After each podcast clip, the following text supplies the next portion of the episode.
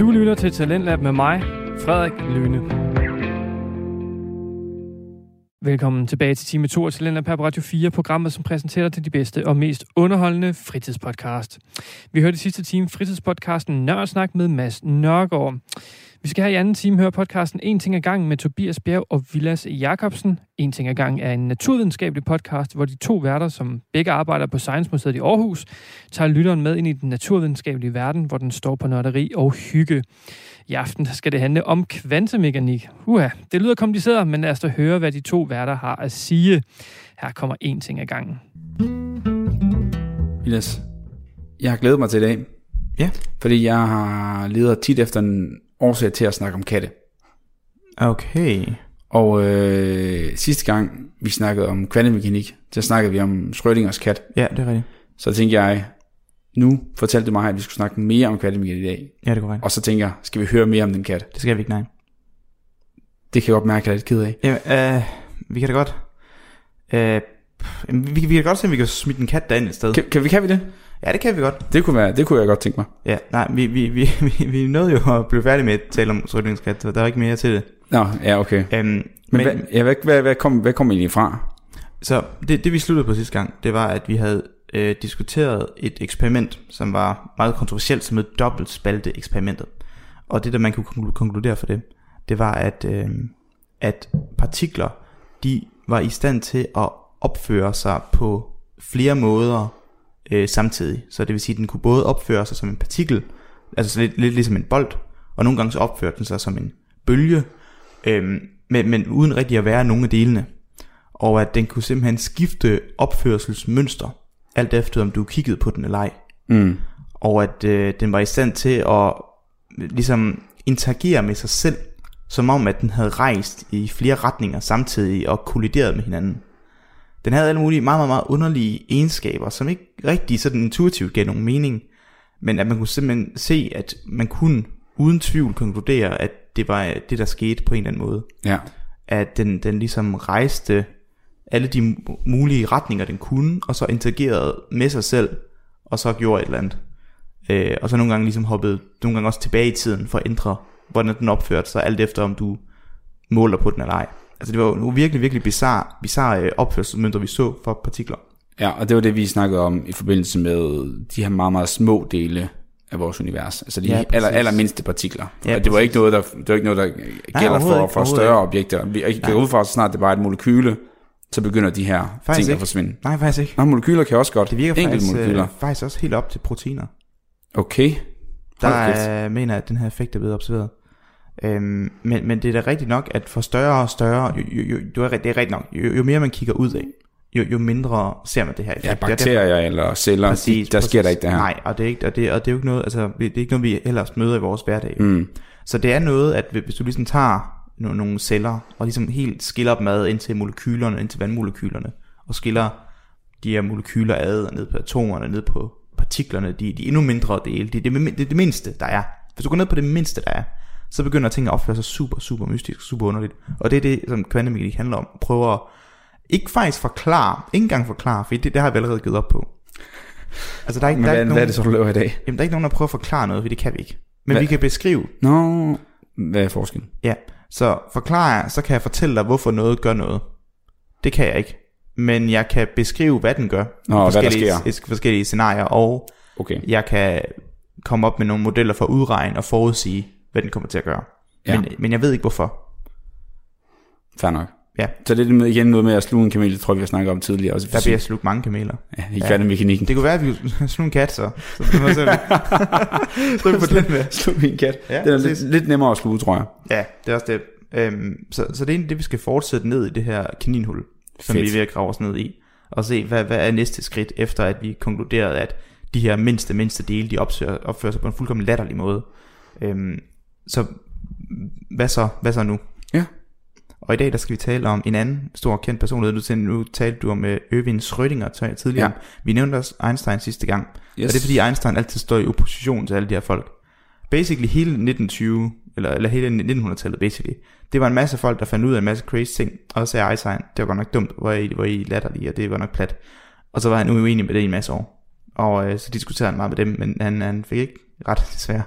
Eller desværre, på godt og på ondt, ikke? Ja, ja. Øhm, og i dag skal vi tale om øh, Heisenberg. Heisenberg.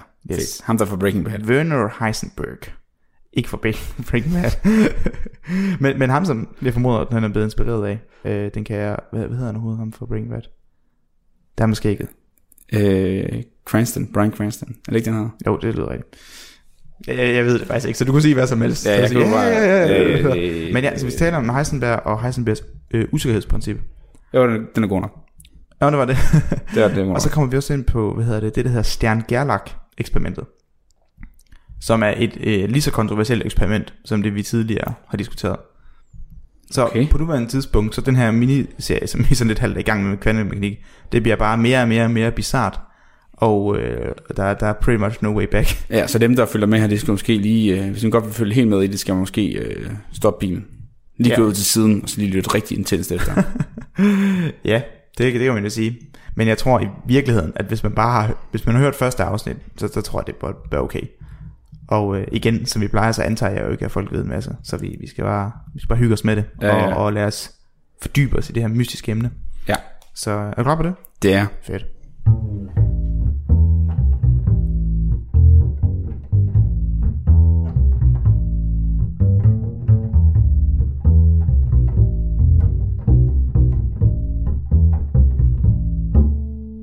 Det her forsøg, vi talte om sidste gang, som var dobbeltspalte eksperimentet, Yes. Øhm, det blev lavet i 1920. Øh, skulle i 1927. Og samme år, så er der en, øh, en ung gut, der hedder Werner Heisenberg, som er en new, sådan up and coming guy, som er utrolig ung og meget, meget sådan kendt fysiker allerede på nuværende tidspunkt. Og han kommer op med et koncept, som virkelig, virkelig presser, øh, hvad hedder det, tesen om, øh, hvad hedder det, hvad er naturvidenskab overhovedet? Og det, det, bliver, og det, bliver, det bliver virkelig presset, og det, det er på et punkt, hvor, hvor Einstein virkelig ikke kan, kan, kan føle sig komfortabel med det her længere. Fordi det han, det han finder ud af, det er, at der er en, der er en, en, en grænse for, hvad der er, hvad, hvad- altså, hvad, altså hvad, hvad man kan vide omkring verden. Der er en fysisk grænse for, hvilken information du kan få til rådighed, om, om, om den overhovedet eksisterer at få eller ej. Altså, øh, hvor, hvor, det, hvor det ikke handler om mere, at jamen, du er ikke i stand til at... Og og det er, ikke, det er ikke fordi, dit udstyr ikke er godt nok, eller, eller ligesom, der er ikke, det er ikke fordi, ah, vi har ikke teknologien til at kunne måle det her endnu. Der er simpelthen en, en hård fysisk grænse for, hvad du kan vide omkring verden. Det tror jeg, det bliver at uddybe lidt mere, kan jeg mærke. Ja, det var også planen, det var det, vi skulle gøre i dag. Nå, Så okay, det- det kommer nok til. Yes. Så det han undersøger, det er, at øhm, hvi- hvis vi kigger, hvis vi forestiller os igen de her partikler, de her mindste, mindste dele af verden, øhm, så, så man kan forestille sig en lille, en lille bitte bold, en lille bitte kugleformet bold her. Øhm, hvis du gerne vil vide noget om den her bold, right, så kan du jo, du kan måske måle, hvor, hvor den er henne, right? Så kan du se, nah, men den her bold, den er placeret på bordet, den er 5 cm inden for, for den her side, og 5 cm for den anden side, så ved du præcis, hvor bolden er.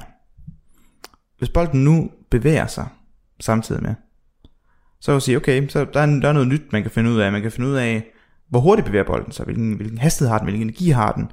Øhm, og på et eller andet givet tidspunkt, lad os sige efter 5 sekunder, så vil du kunne måle, nu har bolden rykket sig, hvor langt har den rykket sig, og hvor hurtigt bevæger den sig. Det kunne jo være ting, du kunne være interesseret i, af en eller anden årsag. Øh, Årsagen er ikke relevant her. Det viser sig, Ja. at når du, når du går ned til de mindre dele, og altså zoomer, zoomer langt, langt, langt, langt ned, så er der en, en grænse for, øhm, hvor godt du kan vide de her to informationer. Så basically position og hastighed. Det viser sig nemlig, at hvis du kender den ene rigtig, rigtig godt, hvis du har bestemt den til høj præcision, du ved præcis, hvor den her kugle er, til millimeter, na- nanometers præcision, Mm. så kan du ikke vide, hvor hurtigt den bevæger sig. Eller hvad skal man sige, din, din usikkerhed, plejer man at sige. Det vil sige, hvor, hvor, hvor meget, hvor, hvor, hvor, hvor godt dit estimat er, hvor hurtigt den bevæger sig. Det bliver gradvist værre for bedre og bedre og bedre viden omkring positionen. Okay. Mm. Det, det er en meget, meget underlig tanke der. Men, men skal man ikke også vide to positioner for at kunne vide hastighed? øh, jo, jo, for eksempel, ja. Altså tænker jeg, man, man kan nødt til at måle den for, hvis man har et stillbillede, så er den- bevæger den jo sig i princippet ikke. Øh, nej, det er rigtigt. Men, men, men et stillbillede er måske et godt eksempel, fordi at hvi- hvi- hvi- hvis du tager et billede af, hvad hedder det, af en, en bold, der bevæger sig, så kan du, hvi- hvis du tager et, et perfekt billede med øh, hvad hedder det, med høj præcision, så kan du se bolden stå helt stille, og du ved præcis, hvor den er. Mm. Hvis du begynder ligesom at, øh, at åbne linsen op i længere tid, så du får mere lys ind, så vil du se, at bolden ligesom bliver sådan diffus, den kommer til at Ja. øh, strække sig ud, når du tager det her billede. Ja. Og det her, den her udstrækning vil give dig en, et mål for dens bevægelse. Ja, så Fordi du ved, hvor at- lang tid ved, at- linsen har været åben. Ja, ja, ja, så du har et kamera, det, det virker jo ved, at du har åbner en linse, så har du noget lys ind, og så lukker du linsen igen, Mm. og, så, og så har du så et billede med alt det her lys, der kommer ind. Det er sådan basically camera ja. efficiency. Så hvis du åbner linsen og lukker den til super hurtigt igen, så får du et, øh, et, et mere præcist billede af, hvor den er henne. Mm. Men, men du kan ikke se, at den bevæger sig, fordi den, er, den står helt stille i Ja, billedet. okay, Og det ser lige god mening. Og hvis du åbner billedet i lang tid og tager meget mere lys ind, så går der længere tid, hvor bolden måske vil bevæge sig lidt. Og så Ja. vil du se på billedet, at ligesom bolden er, den er smurt sig ud. Og fordi du ved, hvor lang tid du har haft kamera linsen åben, så ved du, okay, på 5 sekunder, så er der sket sådan og sådan og sådan. Så du har en idé om dens bevægelse, men du kan se på billedet, at det er helt udsmadret nu. Ja, så du kan vide, at inden for de 5 sekunder var den imellem her og her. Ja, præcis. Men du ved ikke, du kan ikke sige præcis, hvor den var. Præcis. Så det er ligesom en analogi for det her. Mm. Og, og, men, men, men, men det der så går galt med analogien her, det er, at i vores tilfælde, så er det bare fordi, vi har et dårligt kamera. Vi kunne også have to kameraer, for eksempel. Hvor mm. den ene måler den ene, og den anden måler den anden. Ja, og så havde man to perfekte stillbilleder. Ja, ja, præcis. På to forskellige ja, præcis. tidspunkter. Så det, det er det der, Ja. hvor, hvor analogien så er galt. Fordi det, der så sker i virkeligheden, det er, at du kan ikke vide begge dele. Nej. Og øh, hvad hedder det, du kommer simpelthen til at, at, at, at påvirke dit system ved at måle det. Altså du, kan- du, du, du sletter informationen. Den er, ikke, den er ikke til rådighed for dig. Så, og, og, det, og, det, og det er en fundamental anderledes måde at se på det på, fordi det handler ikke om dit udstyr, eller dit, din teknik, eller hvad du gør. Mm. Du kan ikke vide begge dele. Og hvis du kender den ene mere og mere præcist, så kommer du til at kende den anden mere og mere upræcist. Den måde, man, man udregner på det her i praksis, det er, at øh, den, den ligning, som, som dikterer og fortæller det her, øh, den hedder så egentlig, at øh, sådan, i grove træk, det er ikke sådan helt en korrekte version af ligningen, men bare sådan, som har en idé om det, det er, at øh, hvad hedder det, det er din, øh, hvad hedder det, din, din præcision af din øh, hvad hedder det, øh, position, ganget med præcisionen af hastigheden, den skal være mindre eller lige med et fikseret tal. Ja. Så det vil sige, at der er en hård grænse for, hvad det her produkt skal være. Ah, ja, Så så, du... så du kan enten hæve den ene, men så skal den anden være tilsvarende mindre. Ja, præcis. Og omvendt. Ja, For præcis. det skal altid være under et eller andet bestemt Det skal tal. være under en eller anden grænseværdi, så det kunne være, at øh, den må ikke blive bedre end øh, højere end 5, eller sådan noget. Det, Ja. Når du ganger de her to tal sammen, præcisionen af din, hvad hedder det, din, øh, hvad hedder det, din position og præcisionen af din hastighed, så skal det være under en vis grænseværdi. Så okay. Hvis du gør den ene meget, meget stor, så skal den anden være tilpas meget, meget lille og omvendt. Er det, er det derfor, der er sådan nogle sådan approximationer, i hvert fald jeg kan huske, at vi havde i kemi, mm. nogle approximationer på, at man kun ved, sådan nogle ligninger, der siger, vi har en estimering af, eller vi har en idé om, hvor øh, en elektron er rundt omkring sin kerne, men vi kan aldrig bestemme præcis, hvor den er henne, eller den hastighed. Ja, det, det vil noget af det samme? det være derfor, ja. Okay. Og, og det her er jo en super counterintuitive ting, fordi det giver jo ikke rigtig mening, når vi sammenligner det med hverdagsting. Det er kun for partikler, det er kun, når du kommer ned på så lille skala, at det her det passer. Og det var noget, som, øh, hvad hedder det, som Heisenberg udledte fra dobbeltspalteeksperimentet. Okay. Øhm, Så noget der med, at ja, det kunne være begge ting på samme tid. Ja, så det, det var det, ligesom eks- eksperimentets øh, hovedkonklusion var. Men, men øh, i det, han kiggede nærmere på dataen, der fandt han ud af, at en konsekvens af, at eksperimentet det virkede, som det gjorde, det er, at der findes den her, den her underlige sammenhæng mellem viden, som vi er i stand til at få. Og det her, det var Einstein helt meget imod. Jeg skulle lige så sige, hvad, hvad, sagde, han, hvad sagde han til det? Han, var han helt han- han, sur og, øh, og tysk? Ja, det var han. Og øh, hvad hedder det? Han inviterede faktisk Heisenberg hjem til ham Nå, til aftensmad. Er de begge to tyskere? Øh, ja, altså Heisenberg er tysk, men jeg mindes jo, det er noget med, at Einstein oprindeligt set er fra Østrig. Nå, sådan de snakker i hvert fald begge to tysk. De taler så der var en ja. rimelig fin øh, Ja, kommunikationsmulighed. så, og, og, og, Van Heisenberg skriver sådan et brev til Niels Bohr. De var ret gode venner. Altså, åbenbart, altså var alle, alle, alle kloge mennesker på det tidspunkt var pissegode venner. Jeg kan huske, du snakkede om det der billede. Ja, der, Der, er var ja, ja, ja. fantastisk billede med alle de sådan, Ja, fuldkommen. fedeste fysikere, der findes. Jamen præcis. Ja. Ja. Der, der skete bare helt vildt meget de her år. Altså de her år fra fysikken, det er basic, der, det var sådan, det var en, sådan en videnseksplosion. Det var basically der, hvor alt blev sådan rigtig fundet ud af, alt det vigtige i fysikken blev fundet ud af. Og så øh, mange år efter, der har det været mest sådan eksperimentel verificering, Ja, ja, ja, ja, ja. og det er hele gået meget langsommere nu. Så der var lige de der år, sådan fra 1900 til 1900 måske 60, alt efter, hvor man lige stopper og tæller fra, Ja, ja. hvor det virkelig bare gik stærkt. Og jeg tænker også bare, havde folk ikke federe navn dengang? For det, det er noget andet. Altså, Jeg ved godt, det er nok, fordi jeg glorificerer det lidt, ikke? Men det var jo Werner Heisenberg, Albert Einstein, Wolfgang Pauli, Paul Dirac, Richard Feynman. Der, der er der noget punch til de navne. Fine man. Fine man, du. Ja, det, skulle, det var ret i. Altså, hvor i dag, så er det bare sådan, Ja, men også Niels Bohr. Niels Bohr, ja. Den, er simpelthen, den sidder også lige i skabet. Jeg tænker bare, kan du lave stor fysik, og så bare hedde Kasper Jensen? Ja, det er lidt kedeligt, ikke? Det kan, ja, det, det, lyder, det lyder forkert. Så jeg tror slet ikke, du får lov til at udgive noget. Så. Det er også, det er også bare nemmere at blive øh, forvekslet med andre. Altså det er også det, jeg er jo så uheldig, at der er en anden, tror jeg også, jeg har nævnt. Ja, der, er en ja. anden, der er en anden professor på Aarhus Universitet, der hedder Tobias Wang, som jeg ja. også hedder. Jeg hedder så lidt mere, men det er lidt irriterende. Det er jo det er simpelthen så normalt et navn. Og han er zoolog. Han er zoofysiolog, Zoo- og han er jo relativt kendt jo. Han har været med til mange ting. Han er ret kendt. Jeg har, også, jeg har faktisk set et par forelæsninger med ham. Han er faktisk rigtig god. Ja, jeg er jo med i flere dokumentarer og har en, en segment på Stine-museet også. Og sådan, ja, det, det er ikke helt heldigt. og der tænker jeg alligevel, at Tobias Wang var et relativt specielt navn. Nu nysgerrig. Har du nogensinde fået mails, som har tiltegnet ham? Yep. Er det rigtigt? Jeg har også fået opkald. Nå. Ja, jeg fik engang et opkald fra en, øh, fra en journalist, der godt ville have mig til at fortælle noget om kejserpingviner. Gjorde det så? Jeg, jeg valgte at sige, øh, det tror du fat i det forkerte, men når jeg kigger, i, Ja, jeg, føler, jeg, føler, kigger bagud, så er det en øh, missed opportunity. Jamen, jeg jeg godt- sådan, du kunne sgu godt sige noget kejserpingviner, Tobias. Ja, jamen, jeg ved ikke, hvad det var til, men øh, det, det fedeste var, efter jeg så sagde nej, så spurgte han så, så spurgte han mig, kan du så sætte mig i kontakt med ham? Så er jeg bare sådan, bare fordi I har samme navn, så er det ikke ens med, at han, jeg kender ham. altså, vi, det skal du høre, tilfældigvis, det tilfældigvis, så havde jeg hørt om ham i forvejen, så jeg kunne bare sige, du, hvad, eventuelt bare lige gå ind på AU.dk Ja, ja, ja, ja, og præcis. finde ham derinde. I stedet, Ja, ja, ja, ja, ja. Altså, Nå. Det var sjovt. Det var det, du, ved, det, og hey, du skulle bare sige, jamen selvfølgelig er det det. ja, Hvad er men så Karlsving er, oh, jeg hørte engang, der Alle, hedder Bob. eller alle, alle os, Tobias Wang, vi er rigtig gode venner. Mødes en gang.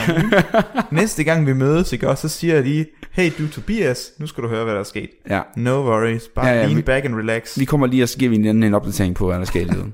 Du må også finde alle andre Vilas Jacobsen, og så lige... Øh, Det tror jeg bliver et kort, kort liste. Jeg tror ikke, der er så mange. nej, okay, det går være. Ja, Så bliver det, det kedeligt. Det er sgu fint nok. Ej, undskyld nu, jeg er fuldstændig ved siden af. Hvad fanden kom Ja, fra? det er okay. Jamen, vi, vi taler om uh, Werner Heisenberg. Ham med det cool navn. Han med det gode navn, og Ja. ja. han, øh, han var gode venner med Niels Bohr. Ja, Og han, Heisenberg var blevet taget hjem til Albert Einstein til en lækker fys- fysikermiddag. ja, og det var noget med sådan i starten, sådan på, på vej derover, spurgte han sådan lidt, Nå, okay, hvad, hvad, hvordan, hvor, hvor, hvor, hvor har du læst henne, og hvad, hvad lavede du special, og sådan noget. Og så er det øjeblik, han kom hjem, så er det så sådan, Nå, nu skal, nu skal jeg fortælle dig, hvorfor du, du tager fejl. Og så havde de bare mange timers diskussion omkring det her. Øh, og øh, Einstein havde også en del øh, interessante øh, eksperimenter. Ja, fordi, nu skal jeg bare sige på, fordi Einstein, han var jo generelt imod meget alt det, alt det der hed kvantemekanik. Jeg tror, man, man skal huske på, at Einstein var realist. Det er en god måde at sige det på. Realisme er en, en tankegang, hvor man ved, eller hvor man tænker, at naturen, den, den er, som den, den, den er, i den forstand, at alt viden omkring et, øh, et eller andet, du kigger på, den, den findes. Der er ikke noget, altså for eksempel, hvis jeg har den her kop, hvis jeg selv, selv med, med, med, med, hvis jeg havde alt viden i verden, så ville jeg kunne vide alt om den her kop, og jeg ville kunne forudsige præcis, hvordan den kommer til at bevæge sig. Og, jeg, og, og alle informationerne omkring den her kop, den, den er gemt i koppen et eller andet sted. Der, der, der, altså, hvad den er lavet af, hvilke atomer den består af, hvor meget den vejer og sådan noget, det, det, den information er til rådighed. Ja, og, Og der må jeg- det ikke være en og- forskel. Præcis, og hvis jeg bare laver gode nok målinger, hvis jeg bare har godt nok udstyr, så kan jeg finde den her information. Der er ikke noget, som er utilgængeligt, der er ikke information, mm. som ikke findes, eller ikke kan, eller hvad hedder det, ikke kan opnås på grund af, altså, man kan sige, det, det er en, altså, den her kop, nu taler vi om, om hastighed og, hvad hedder det, position, right? Hvor man er sådan lidt, altså, den her kop, den har en hastighed, og den her kop, den har en position. Og det, her, og det er ikke fordi, den ikke har en hastighed, bare fordi jeg ikke kan måle den. For det er jo også det, man skal huske på, det er, at usikkerheden på hastigheden er jo ikke kun, hvad der er tilgængeligt for dig. Det er en, det er en fundamental egenskab i koppen. Koppens hastighed er, hvad hedder det, er der en usikkerhed på, hvad den er. Men ikke fordi der findes en virkelig værdi. Og det, og det er det, der er så fucked Nå, så det er ikke engang, fordi man ikke kan måle det. Nej, det er nemlig det, det, det, der, det, er det, der er så messed op med Heisenbergs usikkerhedsprincip. Det er, at hastigheden på partiklen findes kun i det, du måler den. Den, den, den information findes ah, ikke. Den er der ikke. Okay, nu tror jeg, det giver mere mening for mig. Så det er det, altså hvis du nu siger et arbitrært, et, øh, hvad kan man sige, et lidt opfundet øh, eksempel, så øh, hvis vi kun kan måle hastigheden til at være sted mellem 13 km i timen og 16 km i timen, mm. så rejser den både med 13 og med 16 km i timen. Ja. Eller i det tidsrum Ja, imellem. ja. Okay, fordi jeg tror bare, når man kan ikke måle det, men, men så er det fordi den både er... Jamen præcis, det, I det, hele det, det, det det, der, er- det spektrum. er det, der er så mest op, at det er, det er nemlig ikke fordi, at det er ikke bare fordi, du ikke ved det, eller, eller du ikke lige kan måle det. Det, det, er, en, det er en egenskab ved, ved partiklen, det er, at den har ikke, den har, den har alle hastighederne, indtil Okay. du måler hastigheden. Og så får du en udsmørende position, og så har den alle positionerne samtidig. Det, det, det, det er nemlig det, det, der er så mest op, og det er derfor kvantmekanik, det, det er så insane det her. Altså, og, og, og det er jo der, Okay, hvor, at, ja, ja. hvor, hvor at Einstein jo lige tager et skridt tilbage og siger, prøv lige at vente, prøv lige at stop, stop. Partiklen har en position, og den har en hastighed. Det, er jo, det passer jo ikke, at den ikke har en position. Selvfølgelig er partiklen et sted. Mm. Det er bare fordi, vi ikke ved det. Eller for Ja, noget. okay. og, og, og, og det er realisme, at, at, at, at objekter har nogle, nogle, nogle fakta omkring sig, som er, er den måde, den kan bevæge sig på i verden, og de fakta er der. De er ikke omstændige. Det er ikke fordi, de ændrer sig alt efter, om vi måler dem eller ej. Altså det, det er en egenskab ved, ved partiklen, det er, at den har en hastighed og en, og masse af så osv. osv., osv. Og, og det er det, der var så, det er det, som Einstein var så imod. Og det, det der skete de næste mange år, nok formodentlig indtil Einstein døde. Jeg tror aldrig, han fandt sig tilpas med det nye fortolkning og forståelse af kvantemekanik. Så det han gjorde, han, det, her- Einstein var utrolig kendt for at lave tankeeksperimenter. Har du hørt det begreb før?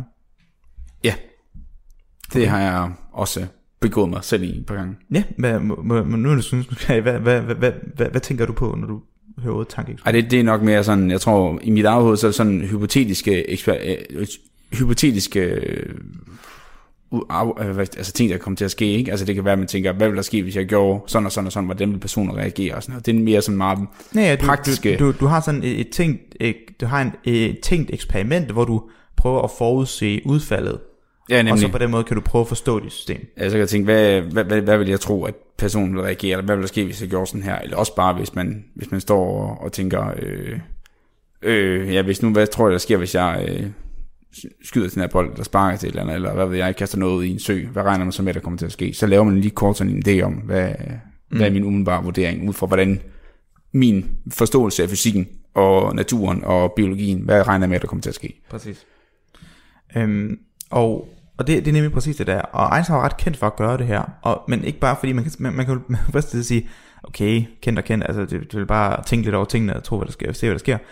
Grunden til, at Einstein var kendt for det, det er fordi, han, han var så god til det, og de tankeeksperimenter, han kom på, de gav nogle fantastiske resultater. Og de var simpelthen i stand til at forudsige alt muligt vild fysik, som, som man ikke kendte til. Øhm, så det er derfor, at, øh, at, at det var, som det var. Og det der så yderligere var, det var, at Einstein kom så med nogle eksempler, som han prøvede at udfordre både øh, Heisenberg og så især også Niels Bohr med, for Niels Bohr var også stor tilhænger af kvantemekanikken og med til udviklingen.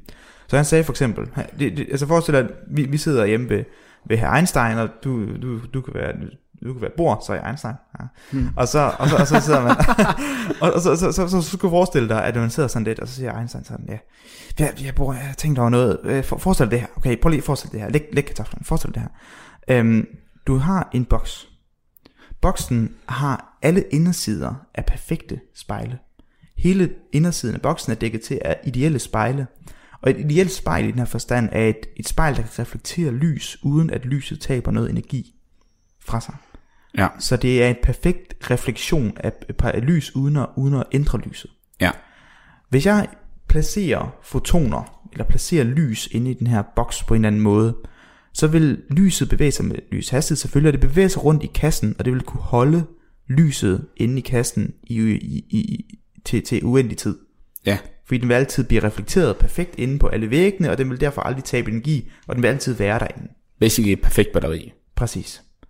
Øh, og hvis jeg har den her kasse, og jeg så kan åbne for kassen, lave et lille hul, sådan så der kommer en, et, et lysfoton, altså et stykke lys, som man kalder det. Et, et, som, man, stykke som, man, lys. som man jo kender derhjemmefra. Præcis. Hvor kan jeg lige få et stykke lys, tak? Det er nemlig et stykke lys.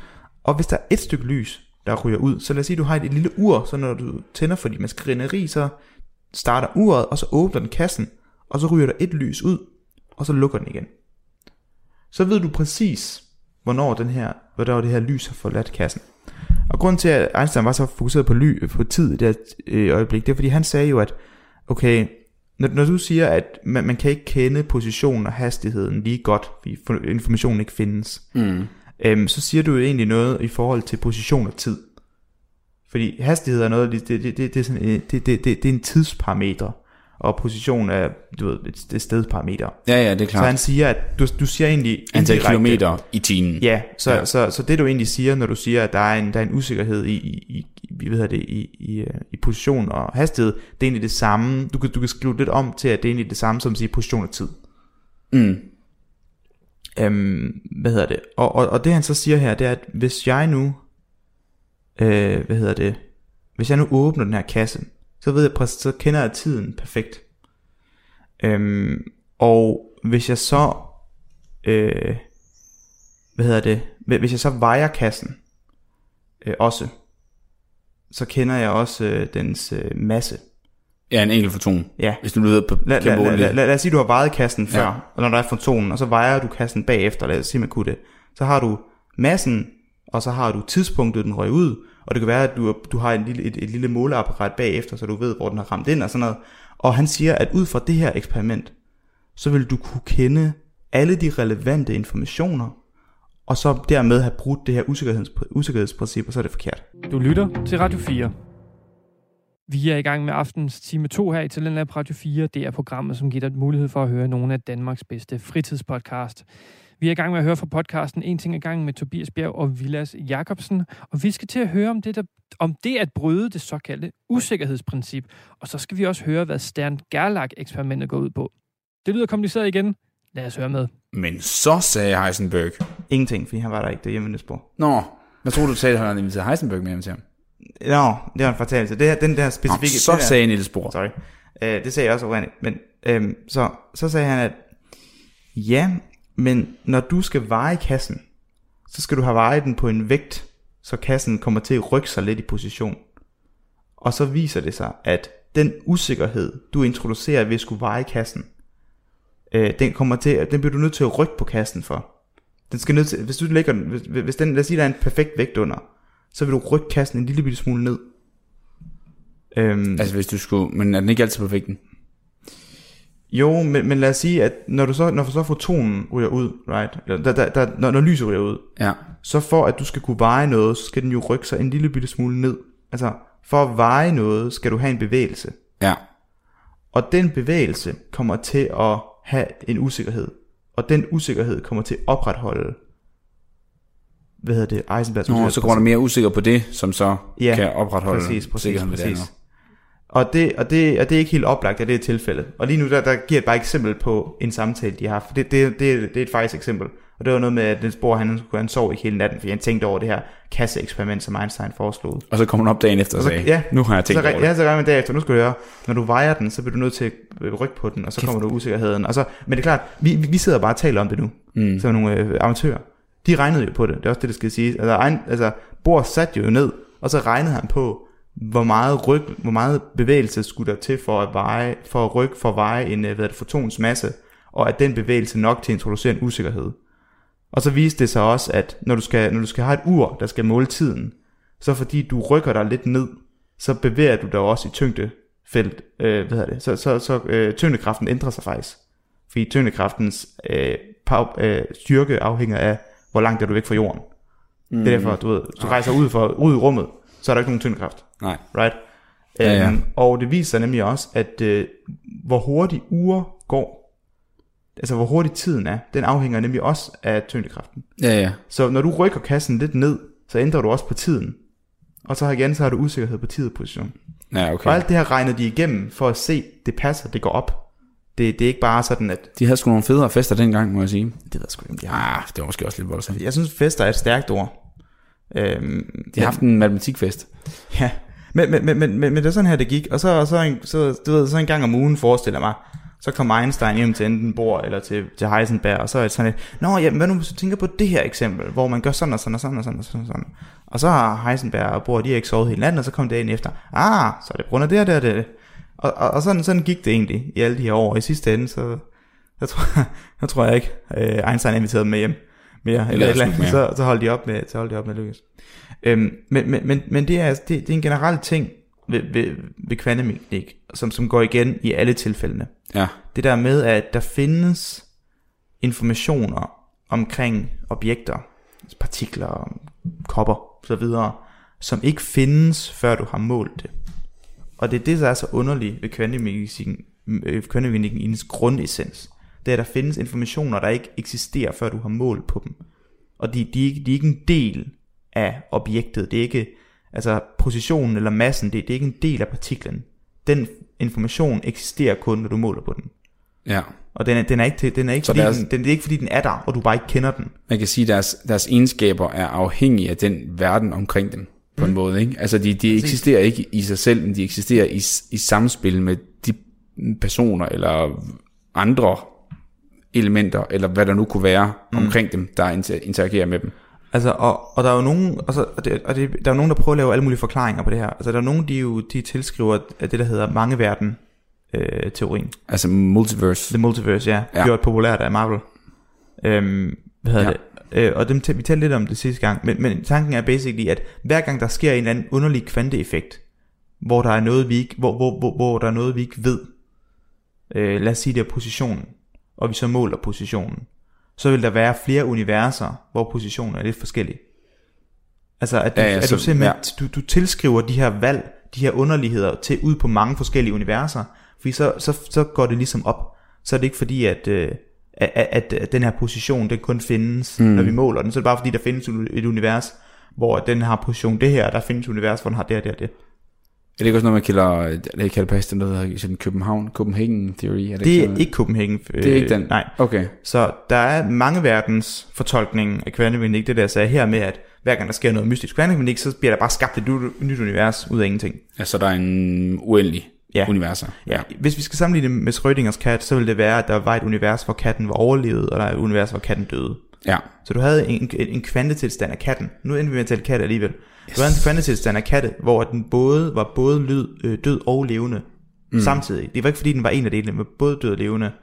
Øhm, absurd som lyder. Og så, når man så kiggede i kassen, og så at, øh, hvad, hvad så? Så i det, du måler på, om katten er død og levende, så bliver der skabt to universer. Et, hvor den død, og et, hvor den levende. Ja. Så det er mange verden. Københavnerfortolkningen, øh, opkaldt efter Bohr og Heisenberg. Heisenberg boede i København på det tidspunkt. Nå, okay, men så giver det helt mere mening. Ja, øhm, deres fortolkning, det var, at, at det der med, at partiklerne gjorde mange ting samtidig. Øh, så det vil sige, at partiklen gjorde alle de her ting, der kunne ske.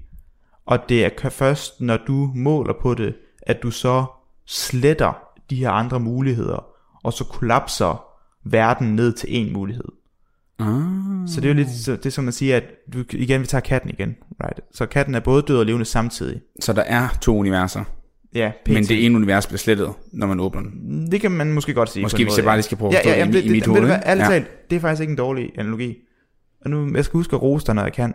Tak. Fordi det, det går ikke... Den der er god. Det er en Sådan. god analogi, den er. Endelig. Det kommer sjældent, men kommer Man kan, man, jeg tror godt, man kan sige, at der ligesom er flere universer samtidig, og så når du åbner, så er der kun en, der eksisterer. Ja, De, de andre forsvinder. okay. Det, kan man, det tror jeg altså godt, man kan sige. Det, det er Københavner-fortolkningen sådan lidt. Ja, men så kan man sige, Så det det, det gør det måske også lidt mere, øh, det andet var, jeg tror, det, det har du også sagt tidligere, når vi har snakket om det her, at det kan nogle gange føles lidt for nemt, hvis man bare siger, og så laver vi bare et nyt univers, så har vi løst alle problemer.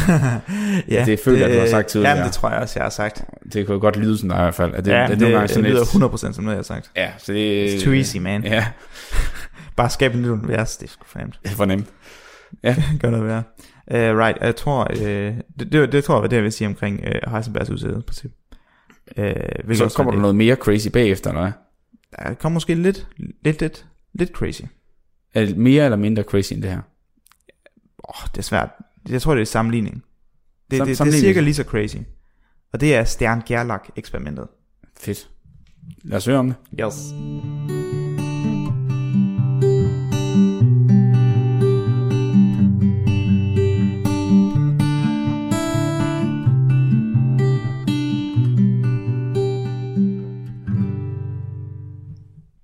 Nu sagde du, at vi skulle høre om et eksperiment. Ja. Prøv lige at sige det en gang til, hvad det hed. Stern Gerlach. Stjern? Stern Gerlach. Stern Gerlach. Yep. Er det en person? Det er to. Det er en person, der hedder Stern, og en, der hedder Gerlach. Ja, præcis. Stern, han foreslog et eksperiment. Gerlach lavede det. Svedigt. Yep. Så det er ikke ligesom dobbeltspalte eksperimentet, som var et forklaring, forklaring Ah, ja, af, hvad det okay, var. okay, okay, okay. Fordi jeg troede, det var et eller andet. Jamen okay, der, der, der kan jeg godt se forvirring. Nej, nej, nej. Nej, Det, det er to okay. okay. personer. Uh, altså, det er faktisk mest typisk, at eksperimenter bliver opkaldt efter det, der lavede det, og faktisk ikke så meget, hvad det handler om. Det, der er dobbeltspaltet eksperimentet er en undtagelse, fordi at det er blevet lavet rigtig mange gange på mange forskellige måder. Hvem var det en, der opfandt det? Jeg ved det faktisk ikke. Det er nok derfor, det hedder det. Nå ja, det kan være, de kan have et cool navn. Det kan være, det er Kasper Jensen. Det var så Jens Jensen-eksperimentet. Hold Jamen, kæft, præcis. hvor kedeligt. mand. Ja, skal jeg ikke bare kalde det dobbeltspaltet? Er det lyder ikke meget bedre? federe. Også ekstremt langt navn. Ja, ja, ja. Nå, undskyld. Ja, Nej, så det skal øhm, vi høre om. Hvem er, yes. hvem er de to uh, herrer? Jamen, Er det øh, herrer, eller er det... Uh, Det er to herrer. to ja. herrer. Yes. Øh, og det er, det er to folk, som øh, lavede et lidt specielt eksperiment i det forstand, at vi har lige snakket om det der med, at der er nogle informationer omkring på universet og partikler, som, som ikke findes, før vi har målt dem. Det vil sige, at de, de, det er ikke informationer, der eksisterer, i, før du har målt på dem. Øhm, og, og, det, og, det, og det er jo det, som, som sagt, Ernst var jo imod det der med, at jamen, der er jo nogle, nogle, nogle fysiske, faktiske informationer, som partiklen har, for det er jo det, den skal have for at kunne opføre sig i universet. Altså den skal have en vægt, ja. fordi vægten kommer til at påvirke, hvordan den bevæger sig og sådan noget. Altså, det, det, det, det er noget, det, det, er en, det er en egenskab, partiklen har. Det, den har en særlig vægt, som definerer det her, det er, en, det er den her type ting, partikel, right? Så der er nogle, øh, hvad hedder det, informationer, som er fastlagte, og som ikke varierer, indtil vi måler på dem. Og det er nogle af de informationer, vi taler om, fordi de er nemlig anderledes. Vi er vant til, at sådan noget som hastighed og position, jamen det, det, det er en egenskab, som en, en, en, en ting kan have. Men nu skal vi tale om noget andet. Øh, vi skal tale om spin. Og spin er jo et emne, som... Oha, altså de fleste, de, de fleste fysikere har ikke lyst til at røre øh, spin med en ildtang. Fordi det er et super, super, super, super spøjst og mystisk øhm, funktion, som partikler har. Og lad, lad os lige starte med, med, med, med det her stjerne gerlach eksperiment. Så det de gjorde, de her gutter, stjerne gerlach, øhm, de undersøgte, hvad sker der, hvis man har en lille kilde af sølv, så du skyder ligesom sølvpartikler afsted, og så sender du det gennem et magnetfelt. Og det her magnetfelt, det er justeret på den her måde, sådan at det bliver gradvist stærkere. Så hvis du har ligesom det område, hvor du har dine din magneter i, så mm. har du lagt dine magneter sammen på en måde, sådan så at styrken af magnetfeltet, det ændrer sig over tid. Altså, det længere man skyder sølvpartiklen igennem, det stærkere bliver... Ja, for eksempel, ja. Ja. Så du har, øh, og det, det kalder man, det har man et meget pænt navn for, det kalder man et inhomogent magnetfelt. Ja, så det er noget, der ikke er homogent. Ja, præcis. Og homogent betyder sådan jævnt, eller Ensartet. ensartet. Så Ja. noget, der ikke er et, et ikke ensartet magnetfelt, fordi Ja. det ændrer sig. Øh, Lige et spørgsmål. Mm. Hvornår foregik det her? Øhm, Det... Var det så for at have en idé, for det, det snakker vi i 30'erne? det bliver, eller nej, det bliver, det bliver, øh, man kan sige, det er der, hvor min, hvor min, min, min tidsskala, den går lidt galt, fordi det skete faktisk, øh, hvad hedder det, det skete i 1922. 1922? Ja, så det er faktisk fem år før Heisenberg og dobbeltspalte. Okay, så går vi tilbage i tiden nu. Ja, men det, det er alligevel Kunne man meget godt fedt. lave sådan nogle ting Ja, dengang? ja, ja. Sindssygt.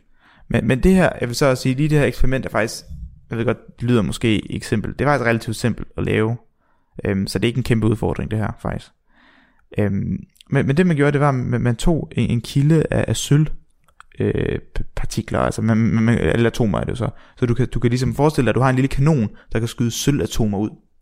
Og så sætter man de her sølvatomer igennem, hvad hedder det, øh, det her magnetfelt, der ændrer sig. Og det her magnetfelt skal man tænke på, det, det, det, det den effekt, den har, det er, at den vil, den vil ligesom skubbe til sølvatomerne. Og hvorfor det? Det er ikke oplagt hvorfor. Det viser sig, at det er fordi, at du kan tænke på sølvatomer som små magneter. At de har magnetiske egenskaber. Og øh, du ved måske godt, at når du har tonner, for for at du har to stangmagneter i din hånd, ikke? Ja. Så er der, man plejer at sige, at der er en nordpol og en sydpol på en magnet. Og øh, hvis du putter nord og nord sammen, så vil de skubbe hinanden væk fra hinanden. Og hvis du putter syd og syd sammen, så skubber yes. de væk. Nord Ja. og syd, så tiltrækker de. Så det vil sige, at de her magneter kan skubbe til hinanden, alt efter hvordan de vender og drejer sig. Så hvis du forestiller dig, at der kommer sådan en magnet ind i det form af det her sølvatom, øhm, når den så kommer ind, så øh, alt efter hvordan den her sølvatom vender og drejer sig, øh, så vil den blive skubbet eller trukket i af det her magnetfelt. Ja, så hvis nu du har en nord, hvis du siger det er nord, nord mod nord, så vil det så blive øh, skubbet væk. Hvis det så var syd mod nord, så vil den så blive trukket mod det. Ja. Så man, så man kan forestille sig, at øh, hvis vi tænker på de her sølvatomer som små magneter, og du bare sender en masse ind af dem, så vil der nogle af dem, de vil blive, øh, hvad hedder det, de vil, øh, i, i den her måde, som magneterne er sat op på, så vil de typisk enten ryge op eller ned. Det er de veje, de bliver skubbet. Ja. Så øh, du, du har måske en måleplade bag ved din magnet, så skyder du en masse sølvatomer ind, der er nogen, der ryger op, fordi det passer lige med, at sølvatomet var drejet på en sådan måde, så det bliver skubbet opad, mm-hmm. og nogen vil blive skubbet ned, og nogen vil også ryge lige igennem midten, hvis de nu har perfekt legnet op med, mig, med magnetfeltet, og hverken bliver skubbet ja. eller trækket i, for det ligger lige på, på, på, på, vippen, på balancepunktet. Jo. Ja. Så du kommer til at have en masse sølvatomer, og nogle af dem skubbe op, nogle vil skubbe ned, mange af dem vil være i midten, og så kan man forestille sig, at når man så kigger på sin måling, og ser på, når man, hvor har alle de her sølvatomer ramt min måleplade på, jamen så vil det være sådan smurt ud i sådan en stor plet. Forventer man lidt. Og det viser sig bare overhovedet ikke til, hvad det der sker. Okay. Det viser sig nemlig, at når du skyder de her sølvatomer igen, så vil de splitte sig op i to klumper. Og det er fordi, det, det er nemlig sådan, at selvom partikler eller atomer, de har ikke, altså deres, deres hastighed og position er ikke en egenskab. Det, det, er, ikke, det, er, ikke en, det er ikke en fundamental fakta omkring partiklerne. Så viser det sig, at noget, der hedder spin, det er. Okay. Og øh, det, det er en egenskab, som partikler har, ligesom partikler kan have en vægt, som gør, at det, det her det er, en, det det, vi kalder en elektron, det er et partikel, vi kalder elektronen, og den er defineret ved, at den har en vægt, som vejer det her. Og den har en, en, en ladning eller et eller andet. Og så har den også et spin. Og grund til, det hedder spin, det er fordi, at, hvad hedder det, øhm, hvis man skulle beskrive det her, det her fænomen med, med opsplitningen på en normal måde, altså på, på en konventionel øh, fysikmåde, hvor man ligesom ikke tænker kvantemekanik, men bare ligesom tænker i øh, bolde og skruer, der bevæger og drejer sig, Ja. så viser det sig, at du kan forklare den her magnetisme ved sølvatomerne, at forestille sig, at den her lille, de her små bolde, de her små partikler, de så drejer rundt, drejer ja. Omkring sig selv. Så spinner den en- enten opad, eller så spinner den nedad. Ja. Så, så det viser, ah, at hvis vi nu siger, ah, okay, grund til, at vi ser, at, at de her øh, partikler, de bliver sådan deflektede, øh, de, de ryger op og ryger ned, jamen det er på grund af, at, at øh, partiklerne faktisk sidder og drejer omkring sig selv. Og så kan vi udregne, okay, hvor hurtigt skal partiklerne dreje om sig selv, for at det passer med, hvad vi ser. Det, for det passer med data, for det passer med eksperimentet. Mm. Og det viser sig, at de her partikler, de skal dreje hurtigere end lysets hastighed, for det passer. Okay. Ja, og så er det lige der, man, man, man stopper og lægger blyanten fra sig. Ja. Øh, fordi det, det, pas, det giver jo ikke nogen mening. Nej. Altså, det, det, altså noget vi ved ved universet, så er det, du kan ikke bevæge dig hurtigt. Nå, altså for at forklare den der, det der mønster, man fik på pladen. Ja, ja. Yes. Så er det sådan, jamen, de kan ikke, de kan ikke spænde omkring sig selv hurtigere end, end lys hastighed, så det må være forkert. Så det må være, at partiklerne opfører sig, som hvis de drejede rundt, men de gør det bare ikke rigtigt. Og, og det, og det, og det, og det, det Ja, så vi man kalder, spin. det, man kalder det spænd, men man de kalder det ikke spin, rigtigt. fordi at de opfører sig som hvis de havde, hvis de spinnede. Men, men de, det gør de jo så tydeligvis ikke, fordi så skulle de spinde hurtigt en lys hastighed, og det giver ikke mening. Nej. Så det vil sige, at de har altså et eller andet, et eller andet ved sig, de har en eller anden egenskab, en eller anden evne, øh, som vi kalder for spin. Og den her spin er kvantiseret. Altså det enten op eller ned. Ja. Og det var derfor, vi så, at i stedet for, at det bare smurte sig ud, så blev det splittet op, fordi det enten var op eller ned. Der var kun to konfigurationer. Okay, så hvert aluminium, nej det var ikke øh, sølv, Ja. sølvatom, det kan både være op eller ned. Ja, for at være helt stringent, så er det faktisk den yderste elektron på sølvatomet, som gør det her. Mm. Men, men det er mere sådan en formalitet, for jeg ved, hvis der sidder nogle fysikere og lytter med, så vil de sige, ah, det er ikke atomet, det whatever. Men, Ja. men, men, men det, det er en egenskab, som partikler i hvert fald har. Ja. Øhm, det, det, det samlede spin. Ja. Eller, kan? Det kan man ikke sige, nej. Nej, okay. Det var godt forsøgt. Du, du nailede den tidligere med. Ja. med det der, men, men ja. Men, men, men, men det viser nemlig, så, så det, altså, at det man kan konkludere ud fra al den her snak, som det er lidt forvirrende det hele, det er, at det vi, de, de informationer, som vi troede partikler havde hastighed, placering, hvor er de hen i verden, det som vi troede var, var fast og kendt, fordi det vi kender vi til, at hvor vores kop og vores blyant og vores papir, de har de her informationer, det er en, det er en del af dem de findes ikke, før vi måler på dem. Så det er ligesom arbitrære størrelser, som, ikke, som man ikke skal, man skal ikke tænke i de baner, som hvor er en partikel henne, og hvor hurtigt den bevæger sig. Det er ikke, det er ikke relevante spørgsmål. Øhm, men der er nogle andre fixerede informationer, som gør partikler unikke. Og, man, man, og der skal man tænke i, i, i spin for eksempel, eller, eller i, i vægt. Men, okay. Og, og de her størrelser, det er det, der definerer partiklen, og hvordan den opfører sig i verden. Okay, så det vil sige, at nu sagde det jo kvantiserbart, det, og det vil, sige, det vil sige, at det er enten det ene eller det andet, og det er ikke noget midt imellem. Det er måske en god pointe, at når, vi, når, når jeg siger ordet at kvantisere, så betyder det, at du inddeler noget i faste muligheder. Ja, Så enten op eller ned. ja. Eller enten en, to eller tre. Okay. Ik- ikke, ikke en halv. Men er det så ligesom, vi, ligesom at det, det er ikke ligesom det egenskab, vi snakker om før med, at det først er det ene eller det andet, når vi måler på det. Nej, det, det, er, det er nemlig det. Det er en fast ting. Det er nemlig en fast ting. Okay, så lige meget om du har set på den anden, vil den her ene altid komme op, og den anden vil altid gå ned. Ja. Okay. Så det, og grund til, at jeg taler i de her, grund til, at jeg tager det her forsøg med at tale om Heisenberg, det er, at grunden til, at kvantemekanik er så svært, det er, at du skal ligesom rewire din hjerne. Du skal, være, du skal glemme, hvad du ved om verden, og du skal glemme, hvad du tror, der er vigtigt. For de, de ting, du tror, der er vigtige, som, øh, som, som hastighed og placering og sådan noget, det er ikke relevant. Og de ting, der er vigtige, er noget, som du ikke kender til. Noget, du ikke har mødt før. Mm. For eksempel noget, der opfører sig, som det spinner, men uden at gøre det. Øh, og sådan noget. Altså det, det, det, Ja, så det, du så det, det, der, det det, der er trippy ved det her eksperiment. Det er, at de, de opfører sig som, om de gør noget, men det gør de ikke. Præcis. Men til gengæld er det så relativt forståeligt, at det enten er det ene eller det andet. Ja, på det, ja, på den måde, Det ja. synes jeg i hvert fald i mit hoved, at det giver god mening, at enten spiller den ene vej, eller spiller den anden vej. Men Ja, men, ja, men det er jo også, men det er jo igen, det er jo også fordi du tænker på det som en bold, right? Det Ja. tænker jeg, at hvis du har en bold, der kan dreje højre om sig selv eller venstre om sig selv, og det er de Ja. to muligheder, der er. mm, Øh, right? Men, øhm, og, og, og, og, og, og, det er ligesom det, som der kan være så kompliceret og, og mystisk ved, ved at køre en ja, og nu endnu et spørgsmål, ikke? For der er jo heller ikke nogen, der er ikke nogen grad, vel?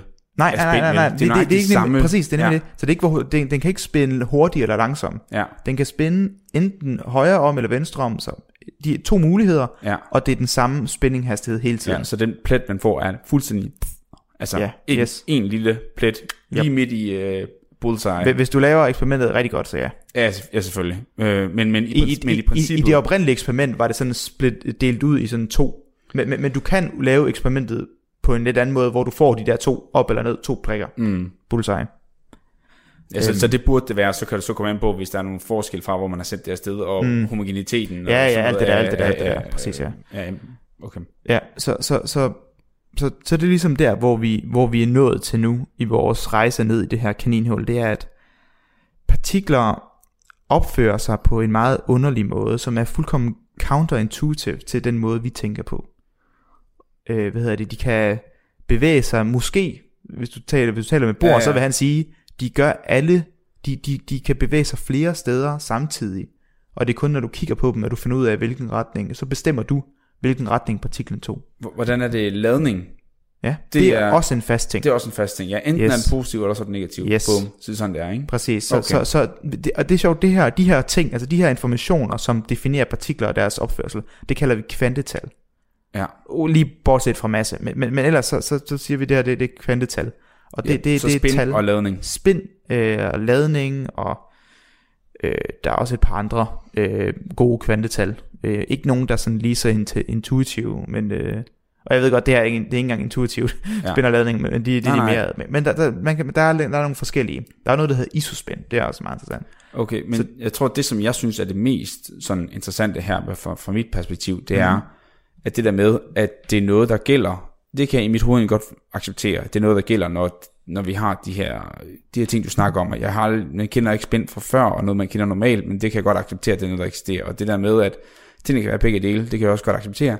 Det, som jeg synes, der er det vilde, det er, at det stopper på et tidspunkt, når man stiger i størrelse, kan man Ja, sige. Det ja, der med, ja, at ja. at når vi er hernede, så virker det, men når vi så er med dig og mig, og med alt muligt andet, der er større end, øh, ja, meget små, meget, meget få øh, nanometer, ikke?